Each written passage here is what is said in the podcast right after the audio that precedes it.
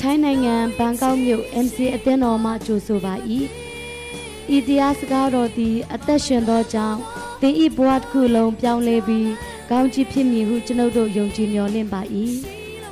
ဤတရားစကားအပြင်တန်ရှင်တော်ဝိညာဉ်တော်သင်အားစကားပြောပါစေသောဤတရားဟောချက်သည် စီးပွားရေးအဖြစ်မဟုတ်လျင်လက်ဆင့်ကန့်ကူးယူဖြန့်ဝေနိုင်ပါသည် အပတ်စဉ်တရားဟောချက်များခံယူလိုပါက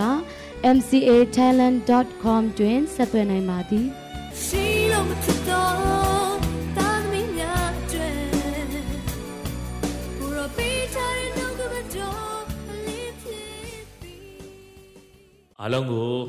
သခင်ဘုရားနာမနဲ့နှုတ်ခွန်းဆက်ပါတယ်ဒီနေ့ဘုရားသခင်ရဲ့နော်နှုတ်ကပတ်တော်ကိုဝေငှမယ်အခွင့်ကိုဘုရားသခင်ပြင်ဆင်တော်ကြောင့်ဘုရားသခင်ရဲ့ကျေးဇူးတော်ချီးမွမ်းနေနော်အာပြီးတော့မှကျွန်တော်တို့ အခွင့်ပေးတဲ့နော်အတင်တော်ဆရာသမားများနော်ဝိညာဉ်ဖခင်များနဲ့နော်ဆရာထွန်းများနော်ယေရှုတင်တယ်လို့ဘုရားသခင်ရဲ့ကိုအစီခံရတဲ့အခွင့်အရေးကထူးခြားသောအခွင့်အရေးဖြစ်ပါတယ်နော်ခရစ်စမတ်ရာသီလည်းဖြစ်တယ်ပေါ့ဟိုနှုတ်ကပတ်တော်ဝေငှတဲ့အချိန်မှာခရစ်စမတ်ခရီးယန်တော့မဟုတ်ပါခရစ်စမတ်တစ်ကြိမ်တစ်ခါနော် ခရစ်စမတ်အချိန်ဟုတ်တော့ဘုရားကျောင်းလက်တက်တယ်နော်အဲ့လိုရှိတယ်လေအခုခရစ်စမတ်အချိန်ရောက်တော့တရားလက်ဟောတာတော့မဟုတ်ပါဘူးဆိုတော့ဟုံးဆွဲတွေနော်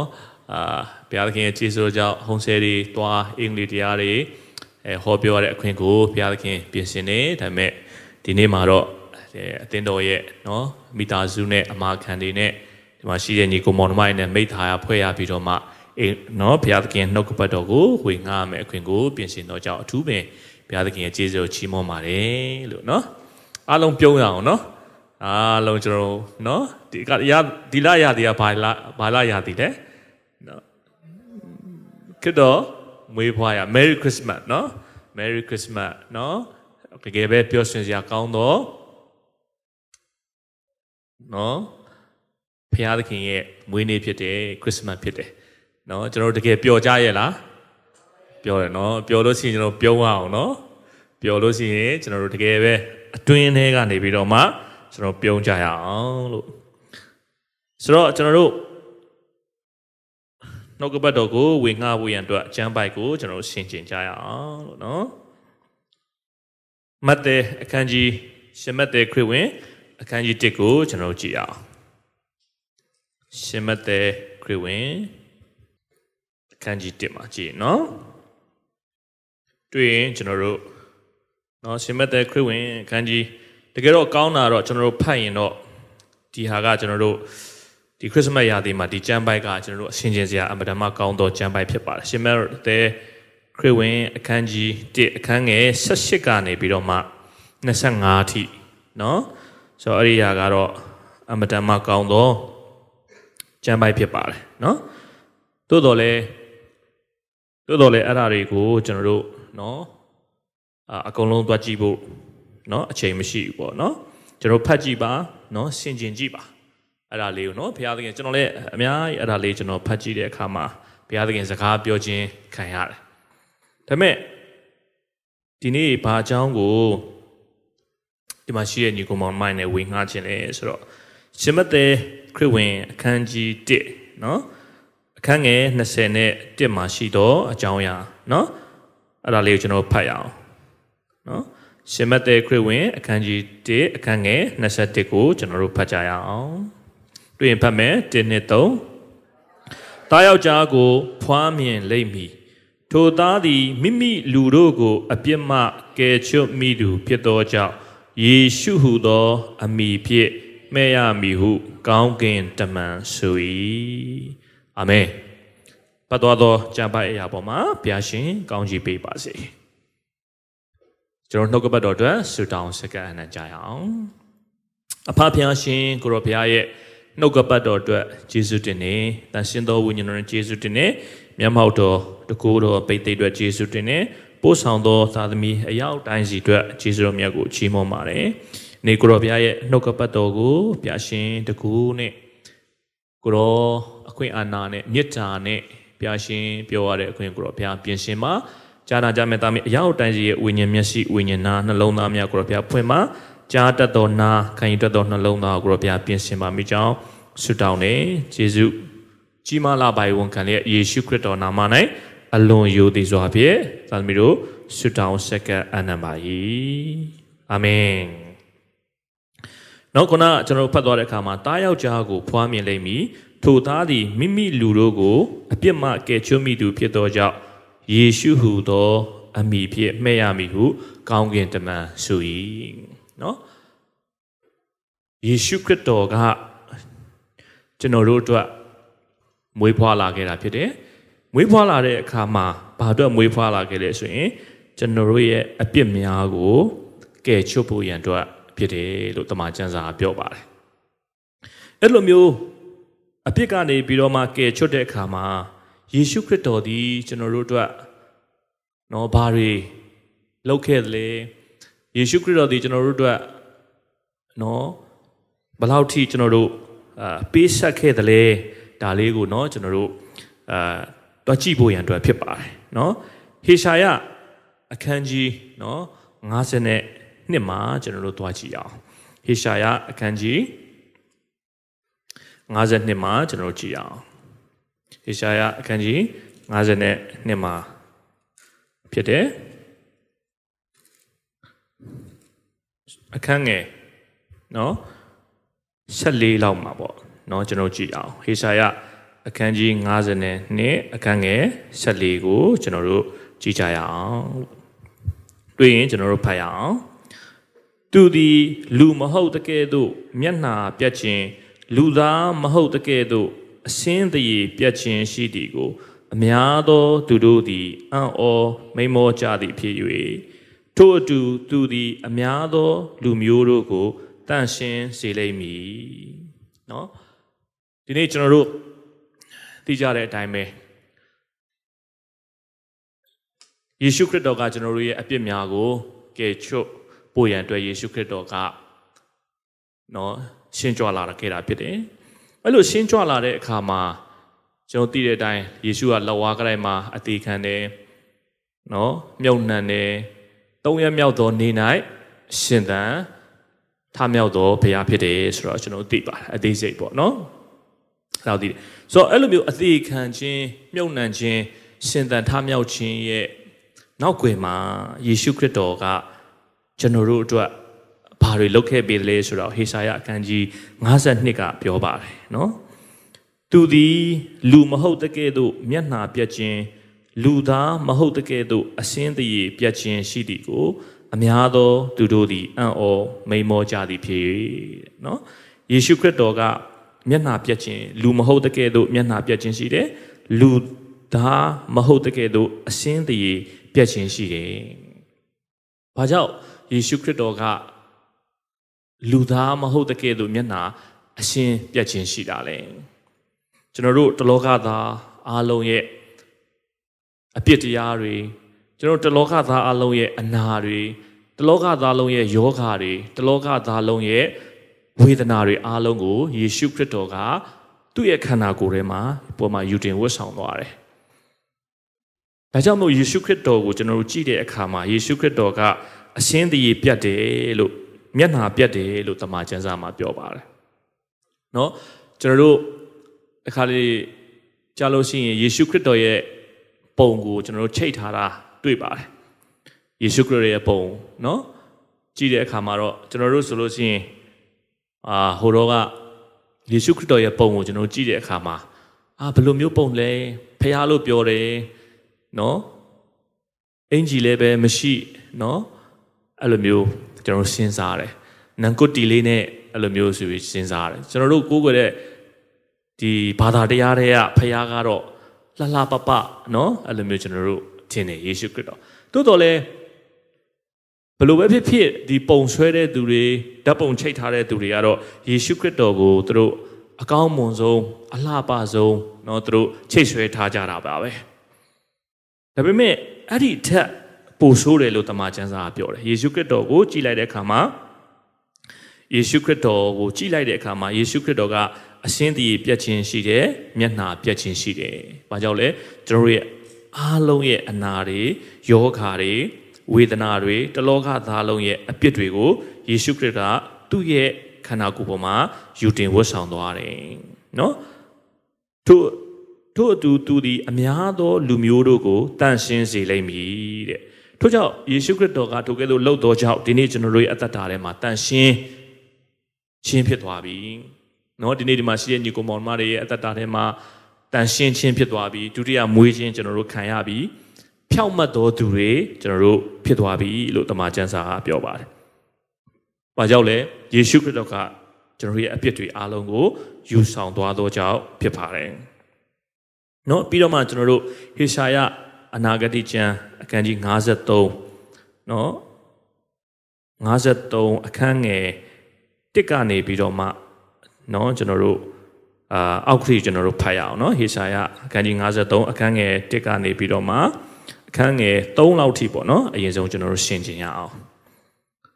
ငါတို့ဟောပြောသောတည်င်းစကားကိုအဘယ်သူယုံသည်နည်းထာဝရဘုရား၏လက်တော်သည်အဘယ်သူအားထင်ရှားတော်မူသည်နည်း သာရဖျား၏ကျွန်သည်အညွန့်ကဲ့သို့၎င်းတွေးချောက်သောမြေ၌ပေါက်သောအတက်ကဲ့သို့၎င်းရှေ့တော်၌ကြီးပွား၏ပမာဏပြုစရာအရှင်တင့်တယ်ခြင်းမရှိချစ်လိုဖွယ်သောမျက်နာလက္ခဏာနှင့်မပြည့်စုံမထီမဲ့မြင်ပြုခြင်းကိုခံ၍လူတို့တွင်အယုတ်ဆုံးသောသူဖြစ်၏ညဉ့်ညင်သောသူနာကျင်ခြင်းဝေဒနာနှင့်ကျွမ်းဝင်သောသူဖြစ်၏ သူတစ်ပါးမျက်နှာလွှဲခြင်းကိုခံရသောသူကဲ့သို့ဖြစ်၏မထီမဲ့မြင်ပြုခြင်းကိုခံရရှိ၍ငါတို့သည်မယိုသေးကြနော်ဆိုယေရှုခရစ်တော်ကကျွန်တော်တို့အတွက်ကျွန်တော်ရဲ့အနာတွေယောဂတွေဝေဒနာတွေအားလုံးကိုသူ့ရဲ့ခန္ဓာကိုယ်ပေါ်မှာသူယူတင်ဝတ်ဆောင်သွားပါတယ်သူ့ကိုကြည့်လိုက်မယ်ဆိုလို့ယေရှုခရစ်တော်ကျွန်တော်ကြည့်လိုက်မယ်ဆိုလို့ရှိရင်ယေရှုခရစ်တော်မှန်လဝါကတိုင်းပေါ်မှာမသိရပါဘူး မသိရပါဘူးပြီးတော့မှဟေရှာယ53မှာဘာပြောလဲဆိုလို့ရှိရင်ယေရှုခရစ်တော်ခံရတော့အရာတွေကိုပြောပါတယ်နော်အရှင်နော်ပမာဏပြုစရာအရှင်တင့်တယ်ခြင်းမရှိချစ်လိုဖွယ်သောမျက်နှာလက္ခဏာနှင့်မပြည့်စုံမထီမဲ့မြင်ပြုခြင်းကိုခံ၍လူတို့တွင်အယုတ်ဆုံးသောသူဖြစ်၏ညှိုညင်သောသူနာကျင်ခြင်းဝေဒနာနှင့်ကျွမ်းဝင်သောသူဖြစ်၏သူတစ်ပါးမျက်နှာလွှဲခြင်းကိုခံရသော သူကဲ့သို့ဖြစ်၏မထီမဲ့မြင်ပြုခြင်းကိုခံရလျက်ရှိ၍ငါတို့သည်မယုမသေးကြနော်ယေရှုခရစ်တော်ကမယုမသေးခြင်းခံရတယ်နော်မထီမဲ့မြင်ပြုခြင်းခံရတယ်မထီလေးစားပြုခြင်းခံရတယ်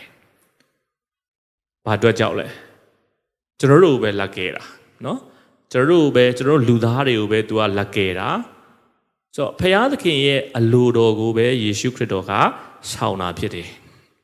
လောကမှာအသေးလက်ခံတယ်ဆိုတာသို့တော်လည်းယေရှုခရစ်တော်ကမချီမဲမြင်ပြုခြင်းခံရတယ်နော်မယုမသေးပြုခြင်းကိုခံရတယ်သူတို့ဘာမျက်နှာလွှဲခြင်းကိုခံရတယ်နာကျင်ခြင်းဝေဒနာကိုခံရတယ်ကျွန်တော်တို့ကျွန်တော်ဘာနာလဲသွားလဲဆိုတဲ့အခါကျတော့ တခါတရံမှာလဲကျွန်တော်တို့လည်းပဲဘုရားသခင်ရဲ့အလိုတော်ကိုဆောင်ရင်ထိုကဲ့သို့ခံရတတ်ပါတယ်နော်ဘုရားသခင်ရဲ့ကျွန်တော်တို့အလိုတော်ကိုကျွန်တော်တို့ဆောင်တယ်ဘုရားသခင်ရဲ့နှုတ်ကပတ်တော်စကားကိုကျွန်တော်နားထောင်တယ်ဆိုလို့ရှိရင်သူတစ်ပါးရဲ့နော်မထီမဲ့မြင်ပြုခြင်းမယုံမသေးပြုခြင်းမလေးမစားပြုခြင်းကိုခံရတတ်ပါအမြဲတမ်းတော့မဟုတ်ပါဘူးဘုရားသခင်က ချီးမြှောက်တဲ့ဘုရားသခင်ဖြစ်ပါတယ်ကျွန်တော်သူ့ရဲ့သူ့ရဲ့စကားကိုကျွန်တော်နားထောင်မယ်နော်သူ့ရဲ့အလိုတော်ဆောင်မယ်ဆိုရင်ကျွန်တော်ကဘုရားရှိနော်လူရှိမှာကျွန်တော်အမြဲတမ်းနော်ကျွန်တော်တို့မျက်နှာရက်တတ်တော့အတ္တတာဘုရားသခင်ကပေးမှာဖြစ်ဒါပေမဲ့တခါတရံမှာလဲကျွန်တော်တို့ဘာနားလဲရလဲဆိုရင်ဘုရားသခင်ရဲ့အလိုတော်ကျွန်တော်တို့ဆောင်တဲ့အခါမှာဘုရားစကားကိုကျွန်တော်နားထောင်တဲ့အခါမှာမယုံမသိပြုခြင်းမလေးမစားပြုခြင်းမထီမဲ့မြင် ပြုခြင်းကျွန်တော်တို့ခံရတတ်တယ်ခံရတတ်တယ်အဲ့လိုခံရတတ်ရင်ကျွန်တော်တို့ဘယ်လိုမျိုးဖြစ်လဲကျွန်တော်တို့လူသားတွေ ਨੇ ကျွန်တော်လူသားတွေနေရာဇာတိပဂိနဲ့ကျွန်တော်တို့ကတုတ်ပြန်ခြင်းကြတယ်ဒါပေမဲ့ကျွန်တော်တို့ဇာတိပဂိနဲ့ကျွန်တော်မတုတ်ပြန်ရအောင်ယေရှုခရစ်တော်အတိုင်းပဲကျွန်တော်တို့ကတုတ်ပြန်ရမှာဖြစ်တယ်ဟာလေလုယာဖြစ်တတ်တယ်ဖြစ်တတ်တယ်အမြဲတမ်းတော့မဟုတ်ပြောတတ်ပြောဘာကြောင့်လဲမာနကအလုံးလုံးနေတာ哦နော် ဘုရားသခင်ရဲ့အလိုတော်ကို ဆောင်တော်သူဘုရားသခင်ရဲ့စကားကိုနားထောင်တော်သူသူ့ရဲ့အသက်တာထဲမှာဘုရားခင်ထားသောအကြံစီတော်နဲ့အလိုတော်တွေမပြေဆုံးအောင်နော်စိတ်တကြအောင်နော်လက်မြောက်အဆုံးပေးခြင်းအောင်မာမြမာနကနောက်ွယ်မှာအမျိုးမျိုးအလုံးလုံးနေတာဖြစ်တယ်။ ဒါကြောင့်ကျွန်တော်တို့ရဲ့အသက်တာထဲမှာတခါတည်းအမြဲတမ်းတော့ပြောတာမဟုတ်ဘူးနော်။တခါတည်းပြောတာပါ။တခါတည်းမှာကျွန်တော်တို့ဒီဘုရားသခင်ရဲ့အလိုတော်ကိုကျွန်တော်တို့ဆောင်သောအခါမှာကျွန်တော်တို့လည်းမထီမဲ့မြင်ပြုခြင်းမယုမသေးပြုခြင်းမလေးမစားပြုခြင်းเนาะဒါတွေခံရတတ်တယ်။ဒါပေမဲ့ကျွန်တော်တို့ကဘုရားသခင်ရဲ့တာသမီများဖြစ်တယ်ကျွန်တော်တို့ဒီအောင်နိုင်သောသူများဖြစ်တယ်ယေရှုခရစ်တော် ကဲ့သို့ပဲထိုကဲ့သို့ကြုံတွေ့ရလို့ရှိရင်ကျွန်တော်တို့ကယေရှုခရစ်တော်တုတ်ပြန်တဲ့အတိုင်းเนาะကျွန်တော်တို့ကပြန်လဲပြီးတော့မှတုတ်ပြန်ရမှာဖြစ်တယ်ဇာတိပဂိနဲ့ကျွန်တော်တို့တုတ်ပြန်ရမှာမဟုတ်ပါဘူးယေရှုခရစ်တော်ကထိုကဲ့သို့တုတ်ပြန်တဲ့အခါမှာเนาะယေရှုခရစ်တော်ကသူ့ကိုအဖဖရာသခင်ရဲ့အလိုတော်ကိုဆောင်တဲ့အခါမှာသူကဘုရားသခင်အလိုတော်နဲ့ပဲပြန်ပြီးတုတ်ပြန်ပါတယ်တုတ်ပြန်တဲ့အခါမှာဘုရားသခင်ကသူ့တစ်သက်လုံးမထီမဲ့မြင်ပြုတာမလေးမစားပြုတာ ဘုရားခင်မထားထားပါဘူးယေရှုခရစ်တော်ကိုအဖဘုရားသခင်ကသုံးရက်မြောက်သောနေ့၌ပြန်လည်ပြီးတော့မှရှင်သန်ထမြောက်သောဘုရားသခင်ဖြစ်တယ်ဟာလေလုယာဘုရားခင်ချီးမြှောက်တယ်ဒါကြောင့်မို့ကျွန်တော်အားလုံးသတိထားမှာဖြစ်တယ်ကျွန်တော်အားလုံးတော်တော်များများသိတာကဘုရားအလိုတော်ဆောင်ရင်ကျွန်တော်တို့ဘုရားရဲ့မျက်နှာသားခံစားရမယ်ဘုရားကောင်းချီးမင်္ဂလာခံစားမှာဟုတ်တယ်မှန်ပါတယ်ဒါပေမဲ့တစ်ခါတည်းမှာလည်းပဲယေရှုခရစ်တော်ကဲ့သို့ကျွန်တော်တို့ မထီမဲ့မြင်ပြုခြင်းမလေးမစားပြုခြင်းဒီຢာတွေကိုကျွန်တော်တို့ခံရတတ်ပါတယ်နော်ဒါပေမဲ့ဆက်လက်ပြီးတော့မှကျွန်တော်တို့နှုတ်ကပတ်တော်နဲ့ကျွန်တော်တို့ယက်တီပါဘုရားသခင်ကကျွန်တော်တို့ကိုချီးမြှောက်မှာဖြစ်တယ်ဘုရားသခင်ကကောင်းချီးပေးမှာဖြစ်တယ်နော်ဘုရားသခင်ရဲ့အလိုတော်ကိုကျွန်တော်တို့ရှောက်မယ်ဆိုရင်ကျွန်တော်ဆင်းရဲဒုက္ခကျွန်တော်တို့ကြောက်လို့မရအောင်နော်ဆင်းရဲဒုက္ခကြောက်လို့မရဘူးအခက်အခဲပြဿနာကိုကျွန်တော်တို့ကြောက်လို့မရဘူးနော်မထီမဲ့မြင်ပြုတ်ချင်း မယုံမသေးပြုခြင်းမလေးမစားပြုခြင်းဒီရာတွေကျွန်တော်တို့ကကြောက်လို့မရဘူးတခါတည်းမှာဘုရားသခင်အလိုတော်ထဲမှာအဲ့ဒါတွေကျွန်တော်တို့ခံရတတ်တယ်သို့တော်လည်းဘုရားသခင်ကကျွန်တော်တို့ကိုအောင်မြင်ခြင်းပေးမှာဖြစ်ပါတယ်နော်ဒါလေးကိုကျွန်တော်ရှင်းခြင်းမိတယ်နော်အခန်းငယ်၄မှာထပ်ပြီးတော့မှကျွန်တော်တို့ဖတ်ရအောင်သို့တော်လည်းထိုသူသည်ငါတို့အနာရောဂါဝေဒနာများကိုယူတင်ဆောင်ရွက်လေ၏နော်ထိုသူသည်ငါတို့အနာရော ယောဂဝေဒနာများကိုယူတင်ဆောင်ရွက်လေ၏ယေရှုခရစ်အသင်ရဲ့အနာယောဂဝေဒနာတွေကိုသူ့ရဲ့ခန္ဓာကိုယ်ပေါ်မှာယူတင်ဝတ်ဆောင်ဆောင်ရွက်သွားပြီเนาะအနာဆိုတာဘာဖြစ်မလဲကျွန်တော်တို့မှာအားလုံးအနာရှိပါတယ်ကျွန်တော်တို့မှာယောဂဝေဒနာခံစားတတ်တဲ့လူရှိတယ် နော်ယောဂခံစားတဲ့အရာတွေရှိတယ်ဝေဒနာတွေခံစားရတဲ့အရာတွေရှိပါတယ်အဲ့ဒီအနာတွေယောဂတွေဝေဒနာတွေအားလုံးကိုယေရှုခရစ်ကယူတင်ဝတ်ဆောင်သွားပြီးဒဏ်ခတ်တော်မူခြင်းကို၎င်းဖျားသခင်ဆုံးမ၍နှိတ်ချတော်မူခြင်းကို၎င်းခံရတော်သူဖြစ်သည်ဟုငါတို့သည်ထင်မှတ်ကြ၏တို့သူသည်ငါတို့လွန်ကျူးခြင်းအပြစ်များကြောင့်နာကျင်စွာထိုးခြင်းနှိပ်စက်ခြင်းကိုခံရလေ၏ငါတို့၏ငြိမ်သက်ခြင်းချမ်းသာကိုဖြစ်စေသောဆုံးမခြင်းသည် သူ့အပေါ်သို့ရောက်၍သူခံရသောဒဏ်ချက်သူခံရသောဒဏ်ချက်အားဖြင့်ငါတို့သည် အနာပြောက်လျက်ရှိကြ၏ဒီနေ့ဒီမှာရှိတဲ့ညီကိုမောင်မိုင်အသက်တာထဲမှာသင်တို့ခံစားအာဒီယေရှုခရစ်တော်ခရစ်စမတ်ကာလမှာကျွန်တော်တို့အတွက်မွေးဖွားခဲ့တဲ့ကျွန်တော်ရဲ့အပြစ်များကိုเนาะကယ်ဖို့ရန်အတွက်ဖြစ်တယ်ကျွန်တော်အားလုံးအပြစ်လွတ်ခြင်းကိုခံစားရပါပြီတိုးတော်လဲ ကျွန်တော်အသက်တာထဲမှာဒီနေ့အနာတွေယောဂတွေဝေဒနာတွေခံစားနေရတာရှိလားအနာရဲ့ယောဂရဲ့ဝေဒနာရဲ့မတူဘူးနော်ဝေဒနာဆိုတာကတစ်ခါကျရင်ကျွန်တော်တို့တသက်လုံးကျွန်တော်ခံနေရတာကုလို့မပြောက်တာရှိတယ်နော်အနာကျွန်တော်တို့မှာရှိနိုင်တဲ့ယောဂကျွန်တော်တို့မှာရှိအဲ့ဒီအနာတွေယောဂတွေဝေဒနာတွေကိုယေရှုခရစ်တော်ကသူ့ရဲ့ခန္ဓာကိုယ်ပေါ်မှာယူတင်ဝတ်ဆောင်သွားပြီးသူခံရသောဒဏ်ချက်တော်အဖြစ်အနာပျောက်လျက်ရှိကြပြီဖြစ်တယ် ညီဒီမှာရှိတဲ့ညီကောင်မောင်မတွေရဲ့အနာရောဂါဝေဒနာကိုယေရှုခရစ်တော်ကလုံးဝပေးပြောက်ပြီးအနာရောဂါငြိမ်းပြီဖြစ်တယ်ဆိုတာကိုကျွန်တော်ရဲ့အသက်တာထဲမှာသိဖို့ရန်အတွက်ဖြစ်တယ်ကျွန်တော်တို့ရဲ့အသက်တာထဲမှာအနာရောဂါပျောက်တာမကဘုရားသခင်ကကျွန်တော်တို့ကျမ်းမာခြင်းနဲ့အသက်ရှင်စေခြင်းတော်ဘုရားသခင်ဖြစ်တယ်ဆိုတာကိုကျွန်တော်တို့နားလည်ရပါတယ်နော်ကျွန်တော် လိုက်ဆိုရအောင်ယေရှုခရစ်တော်ခံရသောဒဏ်ချက်တော်အဖြစ်ငါတို့သည်အနာပြောက်လျက်ရှိကြပြီအဲ့ဒီအရာကိုကျွန်တော်ယုံကြည်သူအနေနဲ့အမြဲတမ်းကျွန်တော်အာဘယ်လိုပြောမလဲဝန်ခံစေခြင်းနဲ့ဖတ်ရွစေခြင်းနဲ့အာမင်အတင်အဲ့ဒီတော့ဝန်ခံရင်ဝန်ခံမယ်အမြဲတမ်းဖတ်ရွမယ်ဆိုရင်အဲ့ဒီအကျိုးကိုခံစားရမှာဖြစ်တယ်တခါတည်းမှာအနာယောဂါက ကျွန်တော်ရဲ့အတ္တတာထဲမှာကျွန်တော်တို့အဲ့လိုမျိုးဝန်ခံလို့ဖတ်ရွတ်လို့နော်ချက်ချင်းမငြိမ်းတာရှိတယ်နော်ချက်ချင်းမငြိမ်းတာရှိတတ်ပါတခါတည်းမှာလည်းပဲကျွန်တော် shoot down တဲ့အခါမှာကျွန်တော်ရဲ့ခန္ဓာကိုယ်မှာရှိတဲ့အနာရောဂါချက်ချင်းငြိမ်းသွားတာရှိတယ်နော်ချက်ချင်းငြိမ်းဒီဖြစ်စေချက်ချင်းမငြိမ်းဒီဖြစ်စေကျွန်တော်ရဲ့အတ္တတာထဲမှာထို့အရာကိုဆက်ပြီးတော့မှကျွန်တော်ဝန်ခံဖို့ရန်အတွက်ဖြစ်တယ်ဒီအရာကိုကျွန်တော်တို့ဆက်ပြီးတော့မှဝန်ခံဖို့ရန်အတွက်ဖြစ်တယ် ဘာကြောင့်လဲဆိုတော့ကျွန်တော်တို့ရေတွင်းတူးနဲ့တူးတာနဲ့တူးတာဖြစ်တယ်ရေတွင်းတတွင်းကိုကျွန်တော်တို့တူးနေဆိုရင်ကျွန်တော်မြေကြီးမှာကျွန်တော်တူးရတယ်မြေအောက်ထဲမှာရေရှိတယ်နော်မြေအောက်ထဲမှာရေရှိပေမဲ့ရေကသူ့ဟာသူထွက်လာတာမဟုတ်မြေအောက်ထဲကရေကိုရဖို့ရန်အတွက်ကျွန်တော်တို့ကရေတွင်းကိုတူးရတာဖြစ်တယ် ထိုနည်း၎င်းပဲကျွန်တော်ရဲ့ယုံကြည်သူရဲ့အသက်တာထဲမှာအနာရောဂါငြိမ်းခြင်းကရှိနေပြီဖြစ်တယ်ခရစ်တော်ကျွန်တော်တို့အတွက်ခံခဲ့ပေးတဲ့အရာကိုကျွန်တော်တို့ကကြွေးကြော်မယ်ဝန်ခံမယ်ကျေးဇူးတော်ချီးမွမ်းမယ်ဆိုရင်ကျွန်တော်ရေတွင်းတူးနေတာနဲ့တူတာဖြစ်တယ်ရေမြေအောက်ထဲကရေသည်နော်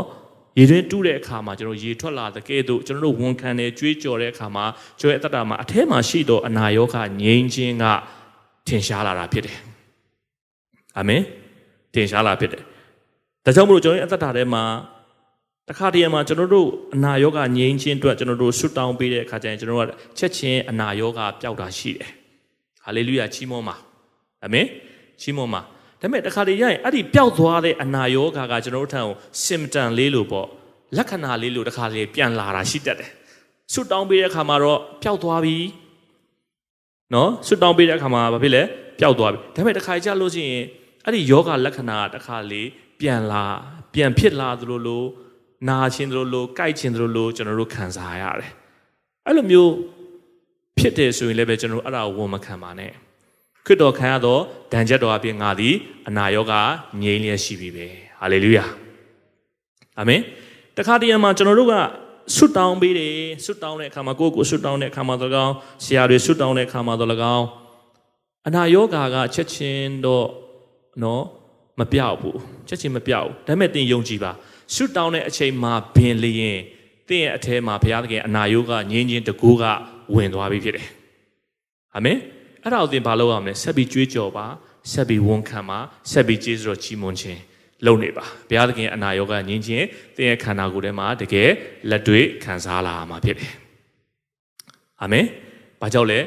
ကျွန်တော်တို့ရဲ့အနာတွေယောဂါတွေဝေဒနာတွေအားလုံးကို လွန်ခဲ့တဲ့နှစ်ပေါင်း2000တဲကခရစ်တော်ကသူ့ရဲ့ခန္ဓာကိုယ်ပေါ်သို့ယူတင်ဝတ်ဆောင်သွားပြီးခရစ်တော်ခံရသောတန်ကြပ်တာဖြစ်ကျွန်တော်တို့ဒီအနာရောဂါပျောက်လျက်ရှိပြီလို့တမန်ကျမ်းစာကပြောပါတယ်เนาะပြီးတော့မှကျွန်တော်တို့ထပ်ပြီးတော့မှကြည့်အောင်ဒီကျမ်းပိုက်လေးကိုเนาะအခန်းငယ်6မှာကျွန်တော်ကြည့်အောင်ငါတို့ရှိသမျှသည်တိုးကဲသို့လမ်းလွဲလျက်ကိုလန်းသို့အတီးတီလိုက်သွားကြသည်ဖြစ်၍ထာဝရဘုရားသည်ခတ်သိမ်းသောငါတို့၏ အပြစ်များကို သူ့အပေါ်၌တင်တော်မူ၏ဒီတစ်ချိန်လုံးကကျွန်တော်တို့ကဖယားနဲ့လမ်းလွဲတယ်နော်ဥမာဒီဒီမှာရှိတဲ့ညီကိုမောင်မတွေမေးမယ်တင်ယေရှုဖယားကိုသိလားတော်တော်များဘာသာခြားနေပြောင်းလဲခဲ့တယ်ဆိုရင်ပေါ့ကျွန်တော်ဆိုတော့ဘာသာခြားပြောင်းလဲဆိုတော့ကျွန်တော်ယေရှုဖယားကိုသိလားသာရဖယားကိုသိလားလို့ကျွန်တော်လည်းပြောကျွန်တော်မသိဘူးပဲပြောမှာနော်ဘာလို့ဆိုလဲကျွန်တော်ရဲ့ဘာသာကိုပဲကျွန်တော်သိမှာကျွန်တော်ရဲ့ဘာသာကျွန်တော်ရဲ့ဖယားလေ နော်ဒီမှာရှိတဲ့ညီကိုမောင်နှမလည်းအဲ့လိုပဲဘာသာခြားနေပြောင်းလဲခဲ့တယ်ဆိုရင်ဒုကဲ့သို့ဖြစ်မယ်လို့ကျွန်တော်ထင်တယ်။ဘာကြောင့်လဲကျွန်တော်တို့မှာအပြစ်ရှိသောကြောင့်ကျွန်တော်တို့ကဖျားနဲ့လမ်းလွဲနေတယ်။နော်ဒီနေ့ကျွန်တော်တို့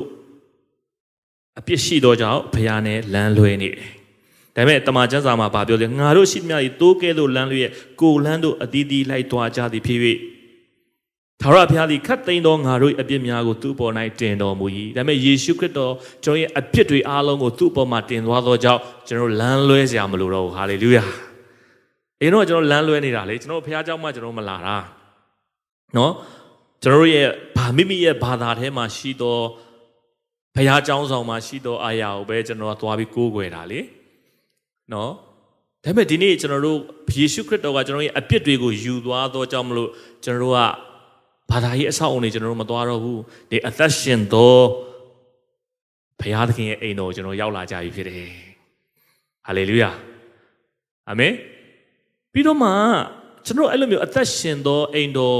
တို့တို့ကျွန်တော်ရောက်လာတဲ့အခါမှာလဲကျွန်တော်တို့ကလမ်းမလွဲနိုင်ဘူးလားလမ်းမလွဲနိုင်ဘူးလားလွဲနိုင်တယ်နော်ဘုရားရဲ့အိမ်တော်ကိုကျွန်တော်တို့ယုံကြည်သူကျွန်တော်တို့ဖြစ်လာပြီးဘုရားသခင်ကိုကျွန်တော်လာပြီးတော့မှဝတ်ပြုကိုးကွယ်ပြီး သို့တော်လည်းကျွန်တော်ရဲ့အသက်တာထဲမှာအမှားလုပ်တော်ကြောင့်လည်းကောင်းအပြစ်တရားထဲမှာကျွန်တော်ရှောက်လှမ်းတော်ကြောင့်လည်းကောင်းနော်ကျွန်တော်ဘုရားเจ้าမလာတဲ့သူတွေအများကြီးရှိတယ်ဘုရားเจ้าမလာတဲ့သူတွေအများကြီးရှိတယ်ဘုရားနဲ့မလျှောက်လန်းသောညီကိုမောင်နှမတွေနော်ရဲ့အသက်တာတွေအများကြီးရှိတစ်ချိန်တော့တော့ဘုရားเจ้าမှာပဲဒီတော့ဘုရားเจ้าမှာဒါပေမဲ့ဒီနေ့ဆိုရင်ဘုရားเจ้าမှာမရှိဘူး။ အော်ဒါမှဒါမှမဟုတ်လို့ရှိပဲဘုရားเจ้าမှာကျွန်တော်ထိုင်နေပေမဲ့ကျွန်တော်တို့ ਨੇ ဖရာသခင်နဲ့နီးကပ်စွာမိထားရမရှိတဲ့အသက်တာရောမရှိနိုင်ဘူးလားမရှိနိုင်ဘူးလားရှိနိုင်တယ်ဒါပေမဲ့ကျွန်တော်ဒီမှာရှိတဲ့ညီကောင်မောင်မတွေတည်င်းကောင်းပြောမယ်ယေရှုခရစ်တော်ကကျွန်တော်ရဲ့အပြစ်တွေအားလုံးကိုယူသွားပြီးဖြစ်တော်ကြောင့်ကျွန်တော်တို့ဒီဖရာသခင်နဲ့လမ်းလွဲစရာလုံးဝမရှိတော့ဘူးဟာလေလုယာဟာလေလုယာ ဖရာသခင်ကိုကျွန်တော်တို့ရှာဖို့ပဲဖြစ်တယ်ဖရာသခင်ရဲ့မျက်နှာကိုကျွန်တော်တို့ရှာဖို့ပြန်ပဲဖြစ်တယ်လူတော်များများကဘာကြောင့်လမ်းလွဲလဲဆိုတော့လမ်းလွဲလဲဆိုတော့ဘုရားသခင်ကျွန်တော်တို့ကိုမချစ်တော်ဘူးလားဘုရားသခင်ကျွန်တော်တို့ကိုစွန့်သွားပြီလားကျွန်တော်အမှားလုပ်တဲ့ခါမှာစိတ်အားငယ်တယ်လေဘုရားခင်ကျွန်တော်တို့ကိုဘယ်မှာထားခဲ့ပြီလဲ အရင်တော့ကကျွန်တော်တို့ရဲ့အသက်တာမှာယုံကြည်သူတိုင်းကနေလိုက်မြင်လိုက်အသက်တာရှိတတ်တယ်နေလိုက်မြင်လိုက်အသက်တာရှိတယ်ကျွန်တော်တတ်တဲ့အချိန်ရှိတတ်တယ်ကျွန်တော်ကြားတဲ့အချိန်ရှိတတ်တယ်ကျွန်တော်စိတ်ပိုင်းဆိုင်ရာမှာမြင်တဲ့အချိန်ရှိတဲ့စိတ်တိုင်းပိုင်းဆိုင်မှာနေတဲ့အချိန်ရှိတယ်ဝိညာဉ်ရေးမှာအားရှိတဲ့အချိန်ရှိတယ်ဝိညာဉ်ရေးမှာခွန်အားနော်နေတဲ့အချိန်ရှိတယ်ဝိညာဉ်ရေးမှာငယ်တဲ့အချိန်မှာပေါ့လူတိုင်းနဲ့ဒီအရွယ်ကနေကျွန်တော်ကြီးထွားလာတာပဲကျွန်တော်ဝိညာဉ်ရေးမှာကျွန်တော်တို့အားကြီးတယ် ဝိညာဉ်ရေးမှာအရှိန်တက်နေတယ်ဝိညာဉ်ရေးမှာအားကောင်းနေတဲ့အချိန်စိတ်အားထက်သန်နေကျွန်တော်ဘုရားသခင်နဲ့အယံ confident နော်ယုံကြည်စိတ်ချမှုရှိတယ်ဒါပေမဲ့အမှားလုံးသွားမိတယ်အပြစ်လုံးပြီးတယ်မတိမတာနဲ့အပြစ်တရားထဲမှာရှောက်လန့်ပြီးဘုရားသခင်ငါတို့ကိုလက်မခံတော့ဘူးနော်ဘုရားသခင်ကျွန်တော်တို့ကိုဆွတောင်းတဲ့နားမကြောင်းတော့ဘူးဆိုပြီးတော့မှကျွန်တော်တို့ကစိတ်သက်ကြပြီးတော့မှဘုရားသခင်နဲ့ကျွန်တော်တို့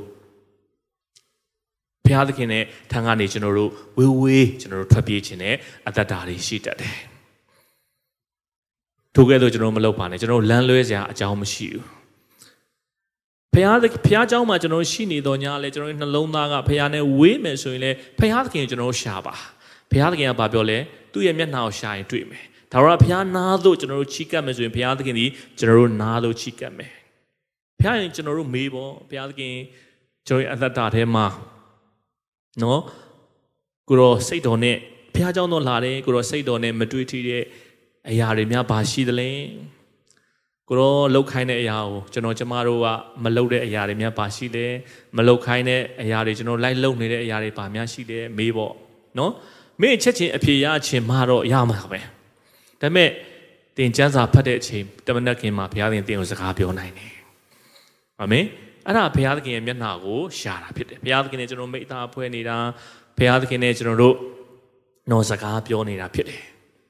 ဘုရားကြောင့်နဲ့ဝေးသွားတဲ့သူတွေလည်းကျွန်တော်ခွန်အားပေးခြင်းနဲ့သင်ပင်နေရပါမယ်ရှိနေပြီစီယေရှုခရစ်သင်ရဲ့အပြစ်များကိုယူသွားပြီးဖြစ်တော်ကြောင်းမို့လို့ယေရှုခရစ်တော်ကသင်ရဲ့အပြစ်များကိုယူသွားပြီးဖြစ်သွားကြောင်းမို့လို့သင်ဘယ်အခြေအနေပဲထိထိဘုရားသခင်ထံကိုပြန်လာပါယေရှုခရစ်တော်ထံကိုပြန်လာပါ ဘုရားသခင်သင်ကိုလက်ခံတယ်ဘုရားသခင်နဲ့ပြင်တင်ပြန်ပြီးတော့မှရှောက်လာသင်ကိုဘုရားသခင်လက်မခံနိုင်တဲ့အခြေအနေလုံးဝမရှိသင်ကိုဘုရားသခင်မခွင့်လွတ်နိုင်တဲ့အခြေအနေလုံးဝမရှိဘူးတော်တော်များများငါတို့ဘုရားခင်လက်မခံတော့ဘူးထင်နေဆိုပြီးတော့ကျွန်တော်တို့အပြစ်ရှိတယ်လို့ကျွန်တော်ခံစားရတာနော်အဲ့ဒီအချိန်မှာကျွန်တော်ကဘုရားသခင်ထံကနေကျွန်တော်ထွက်ပြေးတတ်တယ်ကျွန်တော်မထူးဆက်တွေကျွန်တော်ခင်းတတ်တယ်ထိုကဲ့သို့ကျွန်တော်တို့မလုပ်ရဘလောက်ပဲအပြစ်ကြီးဘုရားသခင်ထံသို့ကျွန်တော်တို့ပြန်လာပါအပြစ်များဝန်ချတောင်းပန်ပါ ပေါ်ပြပါဆွန့်ပစ်ပါနောက်တစ်ခါကျွန်တော်တို့ပြန်မလုံးနဲ့เนาะကျွန်တော်တို့ဒီဘုရားသခင်ရဲ့ရှေ့မှာဖြောင့်မတ်တော်သူတွေဖြစ်တယ်ဟာလေလုယာကျွန်တော်လမ်းလွဲကြမလို့တော့ဘုရားသခင်နဲ့ဘာကြောင့်လဲယေရှုကကျွန်တော်တို့ရဲ့အပြစ်တွေကိုဝန်ချနော်ကျွန်တော်ရဲ့အပြစ်တွေယေရှုကယူသွားပြီးဖြစ်တော့ကြောင့်ဖြစ်တယ်။ဒါမလို့ခုနကမဿဲအခန်းကြီး1မှာကျွန်တော်ကျွန်တော်ဖတ်သွားတဲ့အခါမှာနော်ယေရှုခရစ်တော်မွေးဖွားလာခြင်းအကြောင်းကိုနော် အာရေးတဲ့မဿဲအခန်းကြီး1အခန်းငယ်16 25မှာဗာပြောလဲဆိုရင်အဲ့ဒီမှာနော်ဖခင်ယေရှုခရစ်တော်ကအေမာနွေလာဖခင်ကျွန်တော်တို့ ਨੇ အတူရှိတဲ့ဖခင်တခါတည်းမှာကျွန်တော်တို့ထင်တာကကျွန်တော်တို့အရှင်ပြေတယ်ကျွန်တော်ကောင်းကြီးမင်္ဂလာခံစားရတဲ့အချိန်ဆိုရင်ဘုရားသခင်ကျွန်တော်တို့ရှိတယ်နော်မှန်ပါတယ်ဘုရားသခင်ကျွန်တော်တို့ရှိတယ်ကျွန်တော်အရှင်မပြေဘူးဒုက္ခအခက်ခဲရောက်တဲ့အချိန်မှာဆိုရင်ဘုရားသခင်ကျွန်တော်နဲ့မရှိတော့ဘူးလား no အဲ့ဒီအချိန်မှာလည်းဘုရားသခင်တင်းတဲ့အတူရှိနေတာဖြစ်တယ်အာမင်တခါတည်းမှာကျွန်တော်အပြစ်လုံးမိတယ်အမှားလုံးမိတယ်အပြစ်တရားတွေများရှောက်လန်းမိတယ်ဘုရားသခင်ကျွန်တော်တို့နဲ့မရှိတော့ဘူးလားမဟုတ်ဘူးအဲ့ဒီထဲမှာပဲတင်းတဲ့သူဘုရားသခင်ရှိနေသူပိုလို့တောင်တင်းကိုဘုရားသခင်စိုးရိမ်ပေးနေတာဖြစ်တယ်ပိုလို့တောင်တင်းကိုဘုရားသခင်ပူပန်ပေးနေတာဖြစ်တယ်မိဘများလို့ပေါ့လိမ်မာတဲ့သားသမီးတွေသူတို့ state မစိုးရိမ်ရအောင်မိုက်တဲ့ဆိုးတဲ့သားသမီးတွေဆိုလို့ရှိရင်မိဘများပို့ပြီးတော့မှ စိုးရိမ်ပေးရတယ်ကျင်နာပေးရတယ် view site ပေးရတယ်ဆိုတော့တင်ဘလို့ပဲဖြစ်နေပြီဘုရားနဲ့တင်ဝေးသွားနေတဲ့အချိန်မှာဘုရားသခင်ကတင်းတဲ့အတူရှိတာဖြစ်တယ်ဟာလေလုယာဒါပေမဲ့သင်ပါပဲလို့လဲဖះကိုရှာဖို့ပဲလို့တယ်ဖះကိုသင်မေးခွန်းမေးဖို့ရန်အတွက်လို့တယ်ကျမ်းစာပြန်ဖတ်ဖို့လိုတယ်ဘုရားရင်သင်ကိုစကားပြောမှာဖြစ်တယ်အဲ့ဒါဆိုရင်သင်ရဲ့လမ်းကြောင်းကဘုရားသခင်နဲ့ပြန်တည်လာမှာဖြစ်တယ်နော် ပြီးတော့မှဘာပြောလဲနော်အခန်းငယ်ခုနှစ်မှာထိုသူသည်တဲ့ညင်းဆဲခြင်းနှင့်နှိမ့်ချခြင်းကိုခံ၍နှုတ်ကိုမဖွင့်ဘဲနေ၏အသေးသက်ချင်းကိုဆောင်းသွားသောတိုးတငယ်ကဲ့သို့သူကိုဆောင်းသွား၍သူသည် အမွေးညက်သောသူရှိမှမမြည်ဘဲနေတကယ်သို့သူသည်နှုတ်ကိုမဖွင့်ဘဲနေ၏အာမင်ယေရှုကပါလဲ နှုတ်ကိုမဖွင့်ဘဲနေတယ်ယေရှုကနှုတ်ကိုမဖွင့်ဘဲနေတာယေရှုကစကားမပြောတတ်လို့လားမပြောတတ်လို့မဟုတ်နော်ယေရှုစကားတတ်တယ်ဉာဏ်ပညာနော်အနန္တနဲ့ပြည့်စုံတာပဲယေရှုကတခါကျရင်စကားမပြောဘူးနော်တက်တိတ်လေးပဲနေတာမှားယွင်းသောအမှုကိုအမျိုးသမီးမှားယွင်းသောအမှုကိုပြုတဲ့အမျိုးသမီးကလူတွေကတရားစီရင်ဖို့ယေရှုထံကိုလာတဲ့အခါမှာလည်းပဲ ယေရှုကစကားပြောလားမပြောဘူးเนาะမြေကြီးမှာသူကအောက်ငုတ်ကြည့်ပြီးတော့မြေကြီးကိုသူကရေးချစ်တယ်လို့ပြောပါတယ်နော်ဒါပေမဲ့ဒီလူတွေကဆက်လက်ပြီးတော့မှဒီအမျိုးသမီးအပြစ်တင်တဲ့အခါမှာယေရှုကအဲ့တော့မှစကားပြန်ပြောတယ်ဒီလိုထဲမှာအပြစ်ရှိသောသူအပြစ်နဲ့နော်ကင်းသောသူကတို့အမျိုးသမီးကိုတဲ့ကြောက်ခဲနဲ့ပေါက်ပါတဲ့အဲ့ချိန်မှာအသက်ကြီးသောသူမှစားအသက်ငယ်သောသူတွေကထွက်သွားကြတယ် ပြီးလက်မင်းကလည်းယေရှုကိုလဝါကတိုင်းမှာနော်အတေသက်ဖို့လောက်တဲ့အခါမှာပိလက်မင်းကလည်းယေရှုကိုစကားမေးတယ်နော်နော်ပိလက်မင်းကမေးတယ်မင်းကအပြစ်ကိုတော့ကိုအပြစ်လွတ်နိုင်တယ်နော်တဲ့ဆိုတော့ကိုတော့မသိဘူးဒါပေမဲ့ယေရှုခရစ်တော်ကဘာမှမပြောတခါတည်းမှာယေရှုခရစ်တော်ကဘာမှမပြောဘူးဒါပေမဲ့ဒီနေ့ကျွန်တော်ယုံကြည်သူတွေရဲ့အသက်တာထဲမှာ ကျွန်တော်ဘုရားသခင်အလိုတော်ဆောင်လို့ဘုရားစကားနားထောင်လို့ကိုယ့်သူများအပြစ်လက်တင်ကျွန်တော်တို့ဘယ်လိုမျိုးဖြစ်လဲဟုတ်တယ်မလားကျွန်တော်လုံးဝမခံနိုင်ဘူးမဟုတ်လားကျွန်တော်ပြန်ပြီးတော့မှပြောလိုက်ရမှချက်ချင်းပြောလိုက်ရမှချက်ချင်းဆိုလိုက်ရမှချက်ချင်းတုတ်ပြန်လိုက်ရမှကျွန်တော်စိတ်ထဲမှာဘာဖြစ်လဲဂျေနတ်တယ်ဒါပေမဲ့ယေရှုခရစ်တော်တခါတည်းမှာ ဘာမှမပြောဒီလိုပြောလို့ကျွန်တော်မပြောရဘူးမဆိုရဘူးမလုပ်ရဘူးမကန်ရဘူးပြဿနာမဖြေရှင်းရဘူးထိတ်တိုက်မရင်ဆိုင်ရဘူးလို့ပြောတာမဟုတ်ပါဘူးတခါတည်းမှာကျွန်တော်တို့တိတ်တိတ်ဆိတ်ဆိတ်အေးအေးချမ်းချမ်းငြိမ်ငြိမ်တက်တက်နဲ့ပဲနေတာကပြဿနာရဲ့အဖြေဖြစ်တယ်ဟာလေလုယာအာမင်ဘာကြောင့်လဲဒီမှာရှိတဲ့ညီကောင်လေးကျွန်တော်ပြောပြမယ် သင်ဘုရားသခင်ရဲ့အလိုတော်သင်ဆောင်တဲ့အခါမှာနော်တွေ့ရမှာပဲကြုံတွေ့ရမှာပဲလူတို့ကလူရဲ့သဘောတဘာဝကဘာလဲဆိုရင်ကိုကဟုတ်တယ်နော်ကိုကဟုတ်တယ်ပေါ့ကိုအမားလုံးမိတယ်သူများကိုအပြစ်တင်တယ်ဆိုရင်ကိုကခံနိုင်တယ်ခံနိုင်တဲ့သဘောရှိသေးတယ်တချို့ကကိုကမှားတာလုပ်တယ်တော်ညာလဲ သူများအပြစ်လက်ပြင်းလဲအဆုံးမလက်မခံဘူးတချို့ကလူတချို့ကအဲ့လိုမျိုးရှိတယ်လုံးဝမခံကိုမှားတယ်သူသိတယ်မခံတချို့ကကိုမှားတယ်ဆိုခံနိုင်သေးတယ်နော်ဘယ်မှာမခံနိုင်လဲဆိုတော့ကိုကမမှန်ကြီးနဲ့နော်သူများကကိုကိုအပြစ်လက်တင်တယ်အမှားပြောတယ်ကိုကိုကိုအဲ့ဒီအချိန်မှာလုံးဝမခံနိုင်ဘူးမခံနိုင်တဲ့အချိန်မှာကျွန်တော်တို့ကအာလားစကားကိုကျွန်တော်တို့နော်ဆက်တနတ်ပြစ်တယ်လို့စိတ်ဆိုးမန်ဆိုး မဆိုးမန်ဆိုးနဲ့ကျွန်တော်တို့စကားပြန်ပြောတယ်အဲ့လိုမျိုးပြောကြည့်တော်တော်များများတင်ကအဲ့လိုမျိုးပြောတဲ့အချိန်မှာမှားတဲ့စကားတွေပဲပါသွားတာတော်တော်များများ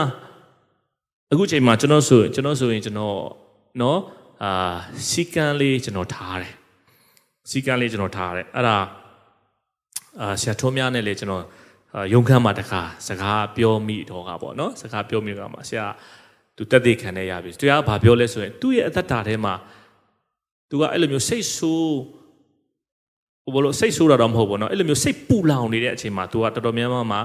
စကားကို तू မပြောဘဲနေတယ်တဲ့ငြိမ်ငြိမ်သက်သက်လေး तू နေတယ်အေးအေးဆေးဆေးဖြစ်တော့ခါမှပြဿနာကို तू ဖြေရှင်းတယ်တဲ့။တော့ဒါလေးကိုကျွန်တော်တင်ယူမိတယ်ခံစားမိတယ်ခွန်ခွန်အားရတယ်အခုကျွန်တော်လည်းအဲ့လိုမျိုးပေါ့ကျွန်တော်ရဲ့အသက်တာထဲမှာကျွန်တော်စီစီကံကျွန်တော်စီကံထားတဲ့အရာကဥပမာကျွန်တော်စိတ် ပူလောင်စရာဖြစ်တယ်စိတ်ဆိုးစရာဖြစ်တယ်ဒေါသတရားထွက်စရာဖြစ်တယ်အမျက်ထွက်စရာဖြစ်တယ်ဆိုရင်အဲ့ဒီအချိန်မှာဘယ်တော့မှစကားမပြောဇနီးမောင်နှံကြားမှာပဲဖြစ်ဖြစ်တငယ်ချင်းကြားမှာပဲဖြစ်ဖြစ်နော်ညီကိုမောင်နှမကြားမှာပဲဖြစ်ခရစ်ယုံကြည်သူညီကိုမောင်နှမကြားမှာပဲဖြစ်ဖြစ်အဲ့အချိန်မှာဘာလုပ်လဲတိတ်တိတ်လေးကျွန်တော်တို့နေလိုက်တယ်နော်နှုတ်မမွတ်ပဲနဲ့ကျွန်တော်တို့နေလိုက်တယ်နော်အဲ့ချိန်မှာစိတ်ကဘာဖြစ်သွားလဲ နော်ကျွန်တော်အေးချမ်းသွားတယ်တာယာသွားတယ်စိတ်ကငြိမ်သွားတယ်အဲ့ချိန်မှာမှကျွန်တော်စကားပြောရင်ကျွန်တော်ရဲ့စကားကဉာဏ်ပညာနဲ့ကျွန်တော်တို့ထွက်လာတယ်အေးအေးဆေးကျွန်တော်ပြောလို့ရတယ်ပြဿနာကိုဖြေရှင်းအောင်ပြောလို့ရဒါပေမဲ့တစ်ချိန်ဆိုတော့ဆိုအဲ့လိုမျိုးမဟုတ်စိတ်ဆိုးလိုက်ချက်ချင်းပြောလိုက်ရမှချက်ချင်းစကားပြောလိုက်ရမှကျွန်တော်နှုတ်ငြိမ်နှုတ်ကိုငြိမ်မယ်နှုတ်ကိုစိတ်ငြိမ်စွာထားတယ်ဆိုတာမရှိပူပူလလောင်စိတ်ရဲ့သဘောတဘာဝကလည်းလေပူပေါင်းလိုပဲเนาะကျွန်တော်ကြည့်တာเนาะလေပူပေါင်းကိုတင်ကြည့်လေ ပူပေါင်းကိုတင်းတဲ့အချိန်မှာတင်အပ်နဲ့တချို့ဘုံနဲ့ဆိုမပေါက်ဘူးလားပေါက်မှာပေါ့ဒါပေမဲ့အဲ့ပူပေါင်းကိုလေမရှိဘူးရှော့ထားရင်နော်အဲ့လိုပဲဖြစ်မလဲဆိုတော့ထိုနည်း၎င်းမဲ့ကျွန်တော်ရဲ့စိတ်ကလည်းပဲနော်ကျွန်တော်တို့စိတ်တွေပူလောင်တဲ့အချိန်မှာဒေါသဖြစ်တဲ့အချိန်မှာအမျက်ထွက်တဲ့အချိန်မှာကျွန်တော်တို့နော်အာစကားမပြောမိဖို့လိုတယ် နော်ကျွန်တော်တို့စိတ်ငြိမ်သွားမှစိတ်အေးဆေးသွားမှပဲကျွန်တော်တို့စကားပြောဖို့ရန်အတွက်ဖြစ်တယ်။နော်ယေရှုခရစ်တော်ကဒါကြောင့်မို့လို့ तू ကနှုတ်ကိုမဖွင့်ဘူးတဲ့။တခါတည်းမှာကျွန်တော်တို့ကတော့အရန်နှုတ်ဖွင့်တာ။နော်ဥဒုသဖြင့်ကိုမှန်တယ်ဆိုရင်တော့ချက်ချင်းကျွန်တော်တို့ပြောလိုက်ရမှခြေနှက်တယ်။ဒါလည်းမှားတာတော့မဟုတ်ပါဘူးနော်လူတိုင်းမှာစာတီးပီးရှိတယ်လူတိုင်းမှာစိတ်လေးတွေရှိတယ်နော်အာဖြစ်တတ်ပါတယ်နော်တိုးတော်လည်း သို့တော်လည်းယေရှုခရစ်တော်ကနေကျွန်တော်တို့သင်ယူသင်ယူကြရအောင်ယေရှုခရစ်တော်ကသူမှန်တော်ညာလည်းပဲသူကဘာဖြစ်လဲနှိတ်ချလဲနှုတ်ကိုမဖွင့်ပင်နဲ့နေတယ်နော်ဒါကြောင့်မလို့ကျွန်တော်ရဲ့အသက်တာမှာထိုရာကိုလည်းပဲကျွန်တော်သင်ယူကြရအောင်အခန်းငယ်၈မှာကျွန်တော်တို့ကြည့်ရအောင်နော်မတရားစွာစီရင်ခြင်းအဖြစ်သူ့ကိုထုတ်သွားကြ၏အသက်ရှင်သောသူတို့၏နေရာမှာ သူကိုတုတ်တင်ပယ်ရှင်းသည်ဖြစ်၍သူ၏အမျိုးအနွယ်ကိုအဘယ်သူပြညွန်မိနည်းငါ၏လူမျိုးအပြစ်ကြောင့်ဒဏ်ခတ်တော်မူခြင်းကိုခံလေ၏ပြစ်မှားခြင်းကိုမပြုသူ၏နှုတ်၌လည်းမူသာမရှိတော်လဲလူဆိုးတို့နှင့်အတူမြေမြုပ်ခြင်းကိုစီရင်ကြ၏တို့ရာတွင်တည်ပြီးမှတထေး၌ရှိ၏နော်ယေရှုခရစ်တော်ကကျွန်တော်တို့အမျိုးမျိုးကျွန်တော်တို့အတွက်နော်သူကညှဉ်းပန်းနှိပ်စက်ခြင်း ခံတယ်ပြီးတော့မှယေရှုခရစ်တော်ကကျွန်တော်တို့အတွက်အသေးခံတယ်နော်ပြီးတော့မှယေရှုခရစ်တော်ကကျွန်တော်တို့အတွက်ဘာလုပ်လဲဆိုရင်မြုပ်နှံခြင်းကိုလည်းခံတယ်ဆိုတာကိုတမန်ကျမ်းစာမှာကျွန်တော်တို့ပြောပါတယ်နော်အဲ့ဒီမှာကျွန်တော်တို့ဒီမှာဖတ်ကြည့်တဲ့အခါမှာပေါ့နော်ကျွန်တော်ဘာတွေ့ရလဲဆိုတော့ အသေးသက်ချင်းကဆောင်းသွားသောသိုးတငယ်ကဲ့သို့သူကိုဆောင်းသွား၏သူသည်အမွေးညက်သောသူရှိမှမမီပဲနေတကဲ့သို့သူသည်နှုတ်ကိုမဖွင့်ပဲနေ၏နော်အမွေးညက်တယ်သိုးသိုးတိုင်းကသိုးတွေကိုအမွေးညက်မှာပေါ့သိုးဆိုတာကကျွန်တော်တို့အားလုံးအသုံးဝင်တယ်လေနော်သိုးမွေးလည်းပဲအသုံးဝင်တယ်အင်ကြီးလှုပ်လို့ရတယ်သိုးနိုးလည်းပဲကျွန်တော်တို့အနိုးနဲ့ဆိုင်သောစားတောက်စရာတွေကွန်ထုတ်လုပ်တွေကျွန်တော်ထုတ်လုပ်လို့ရတယ် သိုးသားလည်းကျွန်တော်တို့သိုးမှာအသုံးမဝင်တာမရှိဘူးအကုန်လုံးအသုံးဝင်တာကြီးပဲနော်ဒီမှာသိုးမွေးကိုတဲ့နော်ညှက်တော်ညာလည်းပဲနော်သိုးသိုးသည်အမွေးညက်တော်သူရှိမှမမီပဲနေတဲ့ကဲ့သို့သူသည်နှုတ်ကိုမဖွင့်ပဲနေ၏အမွေးတော့ညက်နေတယ်သူထိန်ကဒါပေမဲ့ तू ကနှုတ်ကိုမဖွင့်ဘူးဒါနဲ့တလောမှကျွန်တော် Facebook မှာ ဗီဒီယိုကလစ်လေးတစ်ခုတွေ့ရတယ်သိုးချန်ထဲမှာပဲအဲ့ဒီမှာလေသိုးဒိန်းရှိတာပေါ့အဲ့ဒီမှာတကောင်ပေါ့တကောင်ပေါ်လာတယ်သိုးတွေကြားမှာသူလည်းဖြူဖြူပဲစိတ်လိုလိုပါတော့ ਨੇ သူစိတ်သူဂျိုက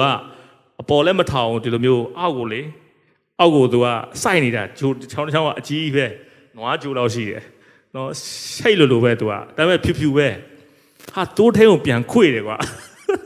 သိုးတွေကိုသိုးတွေကိုပြန်ခွေတာသိုးတွေကလဲပါလဲသွားတာနော် သိုးတွေရပါဖြစ်တယ်လဲသွားတယ်ပြုတ်ကျသွားတယ်ခွေးချပလိုက်တာတော်တော်အားကြီးတယ်ဒီစိတ်ဟာလေ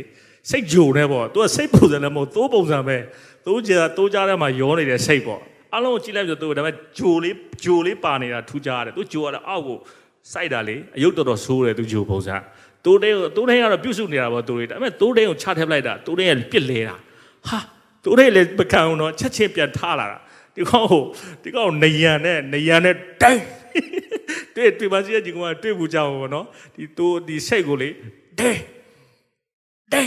နော်ဆောက်တာလေ तू ကတိုးတဲရလဲတိုးတဲလည်းတော်တော်ဒေါသကြီးတဲ့ပုံပဲနော်ဆိုတော့ तू ချက်ပြီးတစ်ချက်တစ်ချက်ပြီးတစ်ချက်တစ်ချက်ကြီးဆောက်နောက်ဆုံးမရတော့နော်ဒီစိတ်ပေါ်မှာ तू ကတက်စီးပြီးတော့မှဂျာဖို့နဲ့ပါရိုက်တာနော် तू ဘာထပ်လို့အောင်မလဲတိုးတဲကျွန်တော်ကြည်တာဗီဒီယိုကလစ်ကကုန်သွားတယ်။ဘာတော်တော်တောင်းချမ်းတယ်။ ဧကနာတော့ဒီစစ်တိုးဒိတ်စင်ကမွေထိုင်းနေပါတယ်များကျင့်ထားလားမသိဘူး။နော်ဟိုတိုက်ကွမ်ဒိုတွေဘောက်ဆင်တွေမှာကျင့်ထားလားမသိဘူး။ तू ကအဲ့ဒီစိတ်ကို तू နှစ်ပန်းလုံးသွားတာကောင်းကောင်းဆုံးမတာနယံနဲ့လေနော်။ဒီနေ့ကျွန်တော်တို့လည်းနော်တိုးဖြစ်ပေမဲ့တခါကြလို့ရှိရင်ဂျိုလေးတွေပါနေတာမရှိတတ်ဘူးလား။တိုးဒိတ်တော့ပြန်မခွေ့ချင်လား။ခွေ့ချင်တယ်ဒါပေမဲ့ယေရှုခရစ်တော်ကတော့အဲ့လိုမျိုးမဟုတ်ဘူးเนาะယေရှုခရစ်တော်ကဘယ်လိုလဲ အမွေညက်လည်းပဲဘာမှမပြောဘူးတဲ့ဒါပေမဲ့ကျွန်တော်တို့ကသိုးတိန်ကိုလည်းပြန်ခွေးချင်တယ်နော်အဲ့လိုစိတ်နဲ့တူသောသိုးတွေထိမှုသိုးတိန်တွေလည်းတိုင်ကွန်ဒိုတွေဘောက်ဆင်တွေပဲတင်တာတဲ့နေရံနဲ့နေရံနဲ့အုံနဲ့ခေါင်းနဲ့ဆောက်ပေးဖို့လေနော်ဆိုတော့မဟုတ်ပါဘူးနောက်တာပါနော်ဆိုတော့ကျွန်တော်ဗာပြောချင်လဲဆိုတော့တခါတည်းမှာလဲကျွန်တော်တို့ရဲ့အသက်တာထဲမှာနော်နှုတ်မပိတ်နိုင်တာ နော်နှုတ်ငြိမ်ငြိမ်မနေနိုင်တာဒေါသအမျက်ထွက်တာကိုမှန်တယ်ကိုပြောခံလဲဆိုပြန်တုတ်ပြန်ချင်တာဒေါနဲ့မောနဲ့ကျွန်တော်တို့ပြန်တုတ်ပြချင်တာဒါတွေရှိတတ်တယ်ဒါပေမဲ့သူ့ရဲ့သဘာဝကအဲ့လိုမျိုးမဟုတ်ဘူးဘယ်တော့မှဒေါနဲ့မောနဲ့ဒေါသနဲ့မတုတ်ပြန်နဲ့အဲ့ဒါဒီအမှားပဲတွေးရမယ်ဒေါသဖြတ်တဲ့အေးစစ်စစ်စိတ်ကိုကျွန်တော်ငြိမ်ငြိမ်ထားပါစကားဘာမှမပြောနဲ့စိတ်ကိုငြိမ်ငြိမ်ထားဘုရားနဲ့အချင်းစိတ်အေးအေးစစ်စစ်ဖြစ်မှပြဿနာတစ်ခုခေါင်းကိုကျွန်တော်အေးအေးစစ်စဉ်းစားပြီးပြဿနာကိုကျွန်တော်တို့ဖြေလေဖြေလေစွာဖြေရှင်းဖို့ရန်အတွက်ကျွန်တော်တို့ အရေးကြီးပါတယ်နော်ယေရှုခရစ်ကျွန်တော်တို့အသေးခံတယ်အသေးခံပြီးတဲ့အခါမှာကျွန်တော်တို့အတွက်ဘာလုပ်လဲသူကမြုပ်နှံခြင်းကိုလည်းခံတယ်ဆိုတာကိုကျွန်တော်တို့တွေ့ရပါတယ်နော်ခန့်ငယ်30မှာကျွန်တော်တို့ကြည့်အောင်သာရဘုရားသည်တဲ့သူ့ကိုနှိပ်စက်ခြင်းကအလိုတော်ရှိ၍နာစီတော်မူ၏ဟာလေလုယာဘာဖြစ်လဲသာရဘုရားသည်သူ့ကို နှိပ်ဆက်ခြင်းကအလိုတော်ရှိ၍နာစီတော်မူ၏တဲ့နော်ယေရှုခရစ်တော်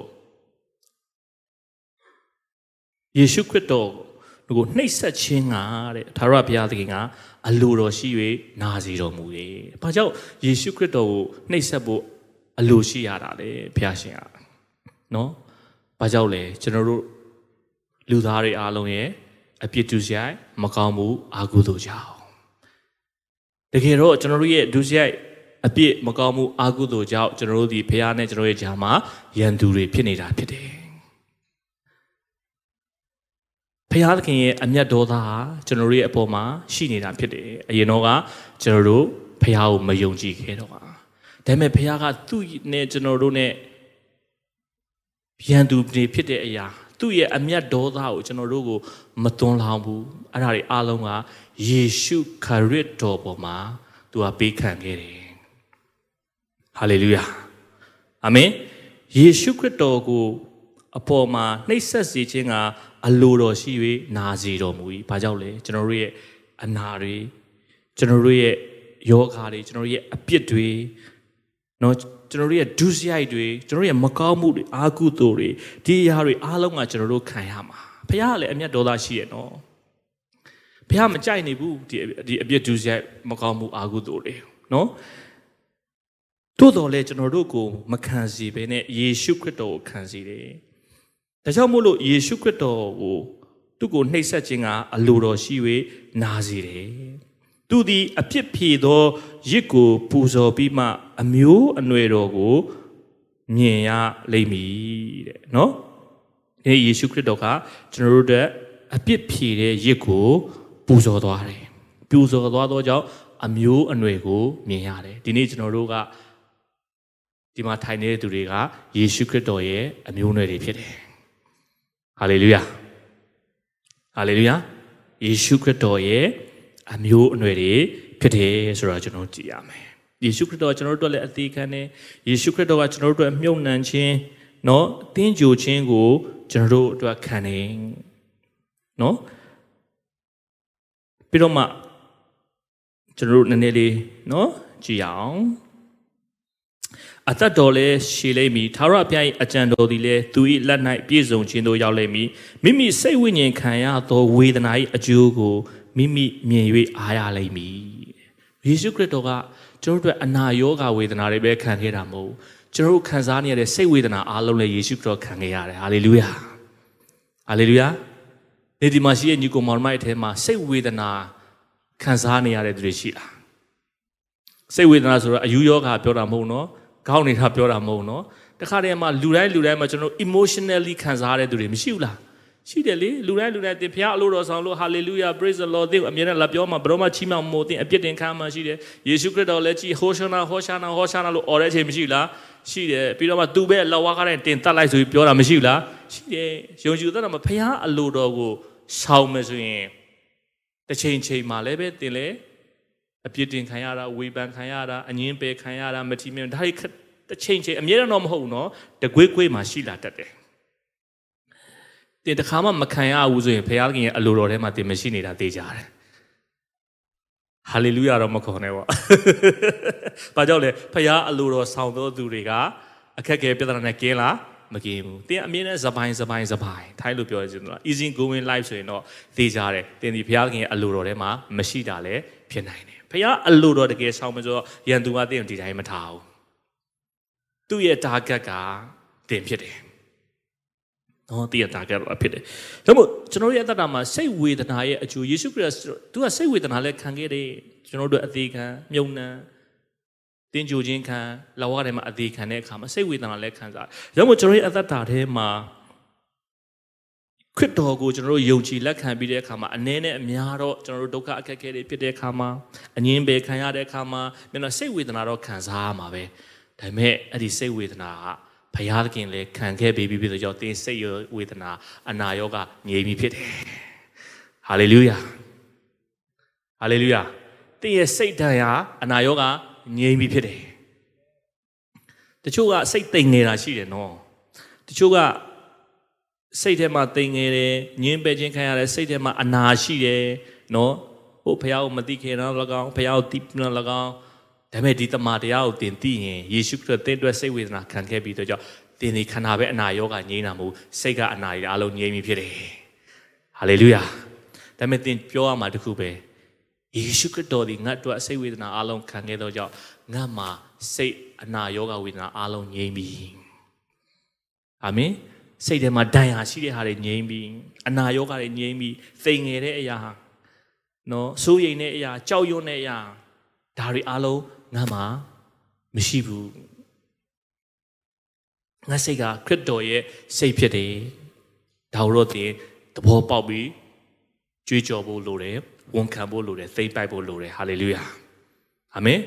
သင်အောင်မြင်ခြင်းတဲ့သူဖြစ်ရင်စိတ်ပိုင်းဆိုင်ရာမှာခိုင်ခန့်ဖို့လိုတယ်အာမင်လူမိုက်လို့ပြောတာမဟုတ်တင်အောင်မြင်ခြင်းတဲ့သူဖြစ်ခြင်းတဲ့ဆိုရင်တင်ရဲ့စိတ်ပိုင်းဆိုင်ရာမပြော့ညံ့ဖို့လိုတယ် တင်ရဲ့စိတ်ပိုင်းဆိုင်ရာခိုင်ခန့်ဖို့လိုတယ်တန်ဆွမ်းဖို့လိုတယ်စိတ်ဒဏ်ရာရှိနေလို့မရအောင်စိတ်ထဲမှာတိမ်ငယ်လို့မရအောင်ပြော့ညံ့လို့မရအောင်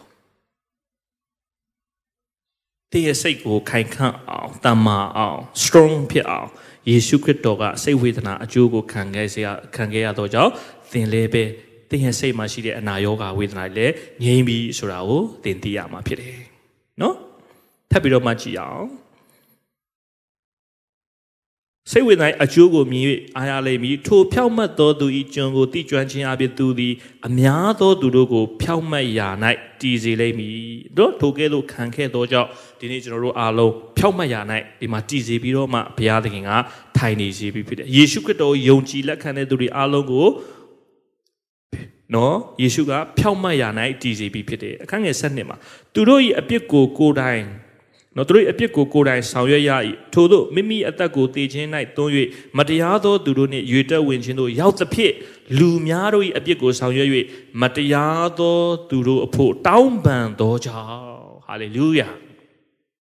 ဒီလောက်တော့ကြည်နော်ပပဆက်ဆက်နော်ပြင်းပြင်းထန်ထန်ရရဆက်ဆက်လူတွေအတွက်ပဲလာပြီးအသေးခံတာလူတွေကပဲသူ့ဘာဖြစ်လဲရက်ဆက်တယ် ဘုရားတကူနဲ့ဖျက်ဆီးလိုက်ပါယေရှုဘတော်မှမပြောမိမိုးရွာလိုက်ပါမပြောသူ့ကိုပြစ်မှားတဲ့သူတွေအတွက်သူဘာလုပ်ပြီလဲတောင်းပန်နေတင်းနဲ့ကျွန်ုပ်လည်းပဲထိုကဲ့သို့သောသဘောထားရှိရမှာဖြစ်တယ်ဟာလေလုယာတင်းနဲ့ကျွန်ုပ်ဘုရားသခင်ရဲ့အလိုတော်ဆောင်တိုင်းမှာတင်းနဲ့ကျွန်ုပ်ဘုရားရဲ့အလိုတော်တို့လိုက်တိုင်းမှာကျွန်တော်ယေရှုခရစ်တော်ကဲ့သို့ညင်ပယ်ခံရတာညင်မနေစခြင်းခံရတာမဟုတ်မှန်မှန်ပြောခဲ့ရ ဘယ်သူပဲပြောပြောထိုသူပြောတာမဟုတ်ဆိုတာသင်သိရမယ်သူ့ရဲ့အနောက်မှာမာနကအလုံးလုံးနေရမယ်ထိုသူအတွက်သင်ကဘာလုပ်ပေးရမလဲရှုတောင်းပေးဖို့လုပ်လို့တယ်ယေရှုကရှုတောင်းပေးတယ်နော်ဒါတွေကကျွန်တော်ကြည့်မယ်ပြီးလို့ရှိရင်တောင်းပန်သောကြောင့်လူကြီးတို့ကိုသူ၏အဖို့ဖြစ်စေခြင်းက ငါခွဲမိလိုက်ဆိုရအောင်ဒါတော့ကျွန်တော်အရင်ကြိုက်တဲ့ဂရီတော်ပဲတင်ထိုးခဲ့သူအမှုတော်ဆိုင်တို့အကျိုးခံစားမှာကျွန်တော်လိုက်ဆိုရအောင်လူကြီးတို့ကိုသူ၏အဖို့ဖြစ်စေခြင်းကငါခွဲမိအစွမ်းတတ္တိရှိသောသူတို့ကိုသူ၏လက်ရဥစ္စာကဲ့သို့ကိုယ်တိုင်ဝေဖန်ရသောအခွင့်ရှိလိမ့်မည်ဒီဒီမှာရှိတဲ့ညီကိုမောင်မတွေလူကြီးတွေကသင်အတွက်ဘယ်နှယောက်တင်လို့ဖြစ်စေခြင်းလဲမဖြစ်ခြင်းဘူးလား တထေးကိုမျက်နှာသာပေးတော့မကြိုက်ဘူးလားအာအရာရှိနဲ့ဝနာနဲ့ကိုရင်းနေကိုမကြိုက်ဘူးလားပလိတ်အရာရှိတယောက်လောက်ဒီကောင်တာပွဲမှာရှိတဲ့ပလိတ်အရာရှိနဲ့တင်တိထားရင်တင်ဘလို့ဖြစ်နေမှာမကြိုက်ဘူးလား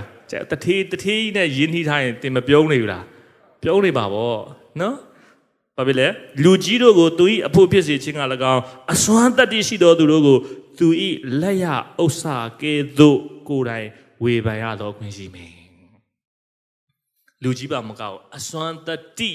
ရှိတဲ့သူတွေကိုယ့်ရဲ့လက်ကိုယ့်ရဲ့လက်ရဥစ္စာကကိုယ်ပိုင်ဝေဖန်ရသောအခွင့်ရှိမယ်ဟာလေလုယာအာမင်ဒါကြောင့်မလို့ကျွန်တော်စဉ်းစားရတယ်အမြောက်များစွာသောဘုရားသခင်အသုံးပြုတဲ့သားသမီးတွေဘုရားခင်အသုံးပြုတဲ့အမှုတော်ဆောင်ကြီးတွေလူကြီးတွေကသူတို့မယုံမသိဘူးလားလူကြီးတွေကသူတို့မလေးစားဘူးလား သူတို့ပြောလိုက်တဲ့စကားဆိုအဲ့ဒီအစွမ်းတတိတိစီကနော်အစွမ်းတတိကနားမထောင်လားနားထောင်နေပံ့ပိုးပေးတယ်သူတို့သူတို့ရဲ့အသက်တာတွေပံ့ပိုးပေးတယ်ကူညီပေးတယ် ministry တွေကိုထောက်ပံ့ပေးတယ်ကျွန်တော်ပြောပြမယ်